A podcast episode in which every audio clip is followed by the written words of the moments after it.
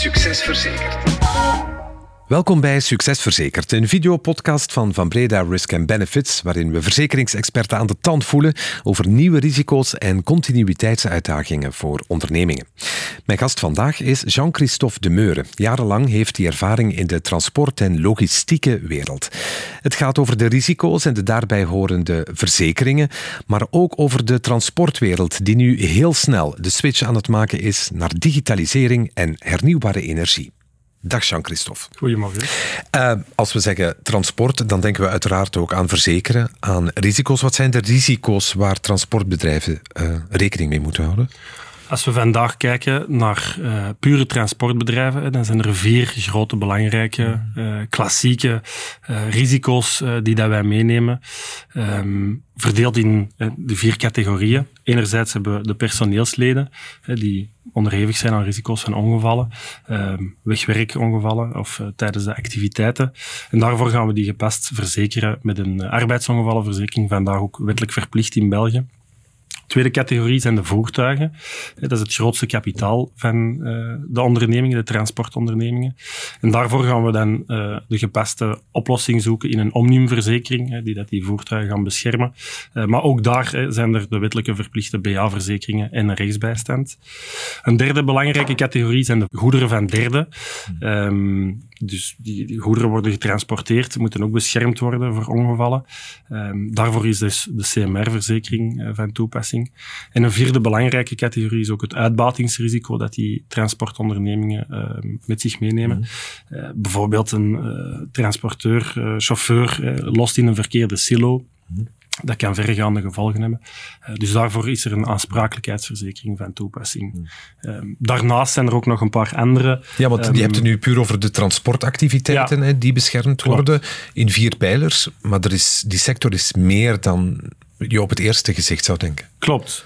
dus er zijn uh, uitbatingsrisico's die dat we er net hebben uitgesproken, die puur rond het transport gaan. Uh, maar er zijn ook andere risico's binnen de uitbating. Bijvoorbeeld een, uh, een transportbedrijf kan ook een eigen workshop hebben, een herstelplaats. En die gaan herstellingen uitvoeren voor hun eigen voertuig, maar soms doen die dat ook voor derden. En in het geval dat ze dat ook voor derden doen, is het belangrijk dat dat ook gepast wordt verzekerd.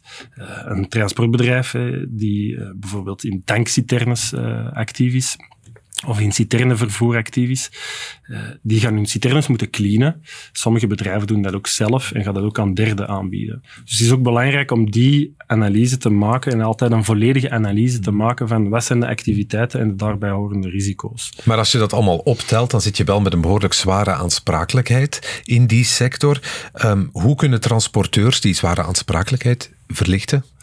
Um, ik denk dat je dan doelt op uh, nog een andere activiteit. Um, zijn de, het bewaarnemen van goederen. Dus we merken in de sector dat de bedrijven, transportbedrijven, onderhevig zijn aan zware concurrentie en aan constante druk van de prijzen.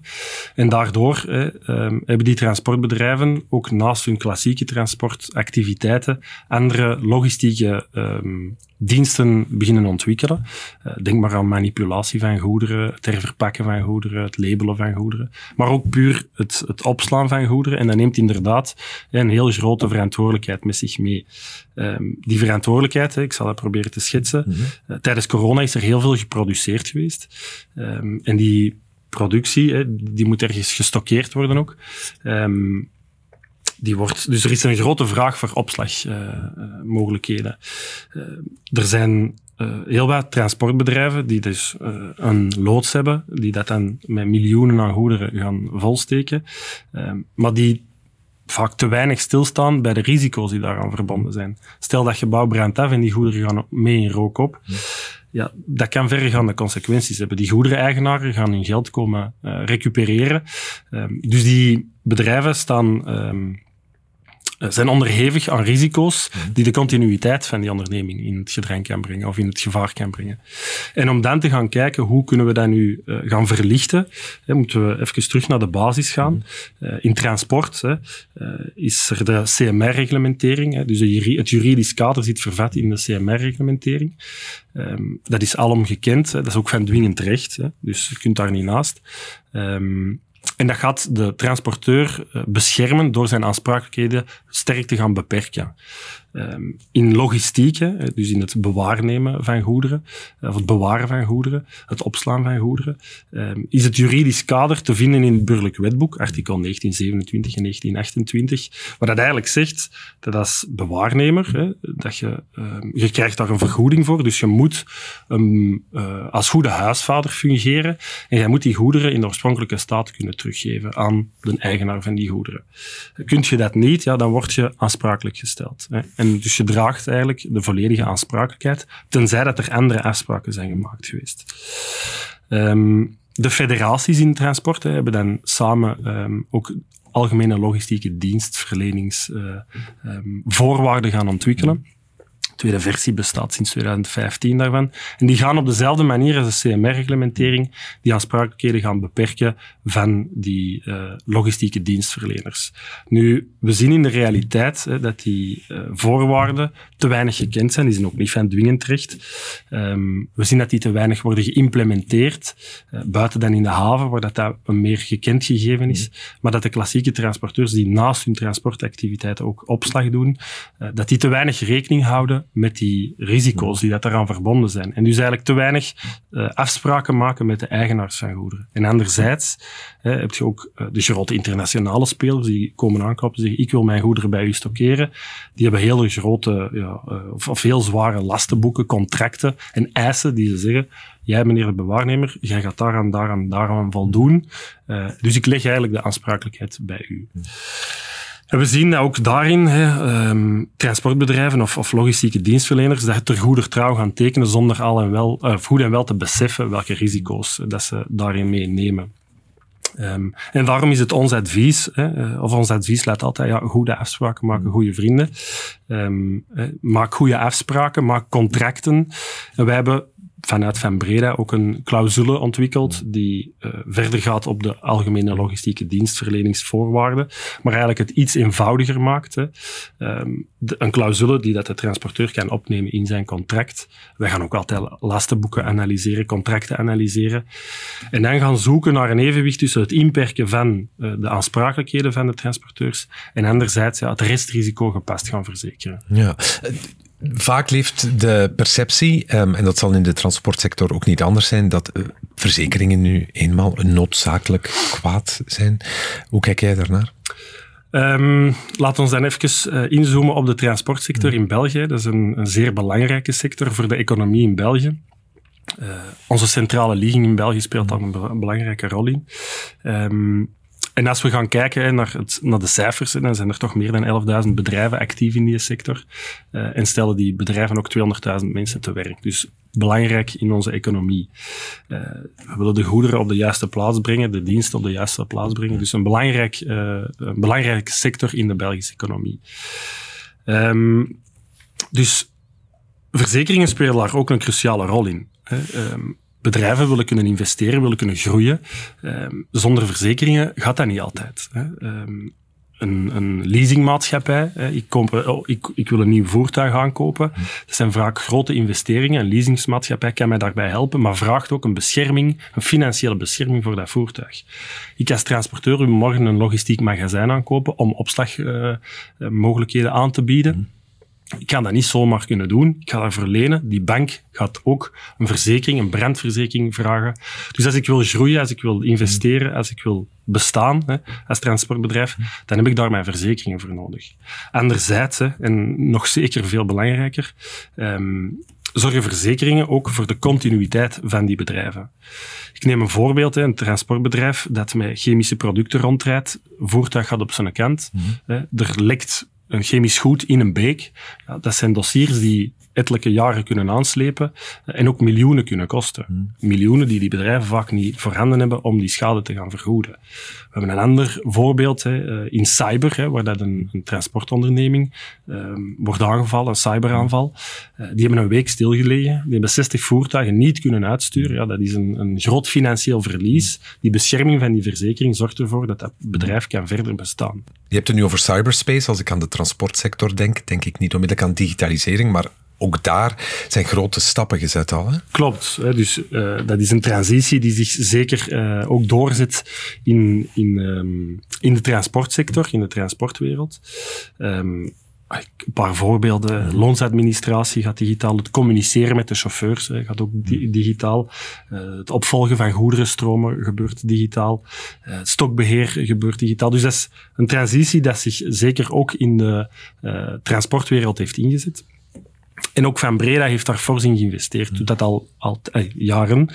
Um, en Van Breda Connect, ons digitaal platform, uh, is daardoor ook ontstaan in eigen beheer en in overleg met onze klanten. En dat zorgt ervoor uh, dat we heel transparant kunnen communiceren met onze klanten. Dat is een ondersteuning naast onze dagdagelijkse ondersteuning. En evengoed uh, dat er een snellere uitwisseling is van informatie. En door dat platform merken we dat we toch ja, voldoen aan de digitale verwachtingen van sommigen in die sector. Ja, want met welke verwachtingen komt het transportbedrijf nu bij jou aankloppen? Ik denk vooral hè, wat onze klanten van ons verwachten of wat klanten van ons appreciëren, is, is een stukje passie in, voor de sector, is kennis en betrokkenheid. Hè. Um, dat is ook de reden waarom de Van Breda heeft gekozen om een gespecialiseerde afdeling uh, te ontwikkelen, ondertussen al meer dan tien jaar geleden, puur en alleen voor transport, vervoer, rekening derde. Um, doordat wij die passie en die kennis en die, die specialisatie hebben, begeven wij ons ook in de leefwereld van onze klanten. En is het makkelijker om te begrijpen wat de klanten van ons verwachten. Um, en is het makkelijker om in te spelen op de noden van die uh, bedrijven. En we zien door die specialisatie ook uh, dat we stukjes verder kunnen gaan, dat we kwalitatiever kunnen werken naar onze klanten toe, uh, om zo ja, altijd de gepaste oplossing te vinden.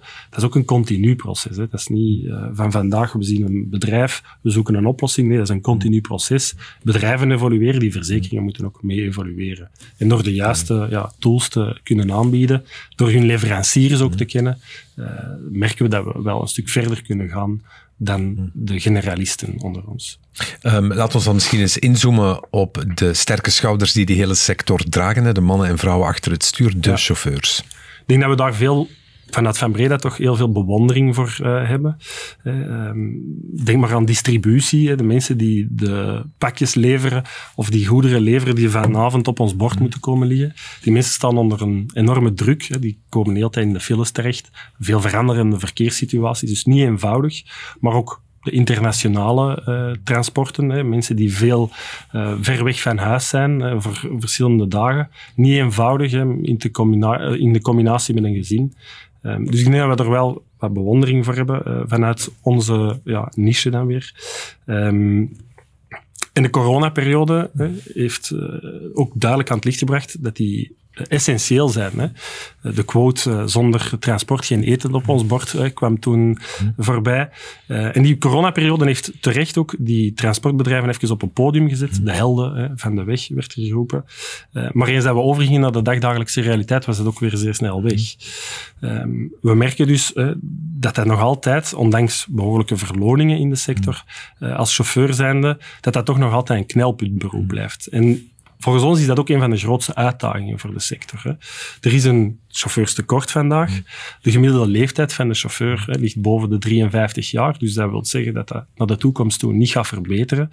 Um, dus het behouden, hè, uh, behouden en beter maken van die chauffeurs, door middel van opleidingen aandacht mm. te geven, uh, dat gaat een heel belangrijk Waarom is die opleiding zo belangrijk? Waarom benadruk je dat zo? Goh, omdat opleiding um, ervoor zorgt, hè, ik, ik, vergelijk dat altijd met, met een garagist die tien jaar geleden begonnen is. Als die geen opleidingen volgt, die voertuigen zijn dusdanig geëvolueerd, dan gaat hij zijn job niet meer naar behoren kunnen doen.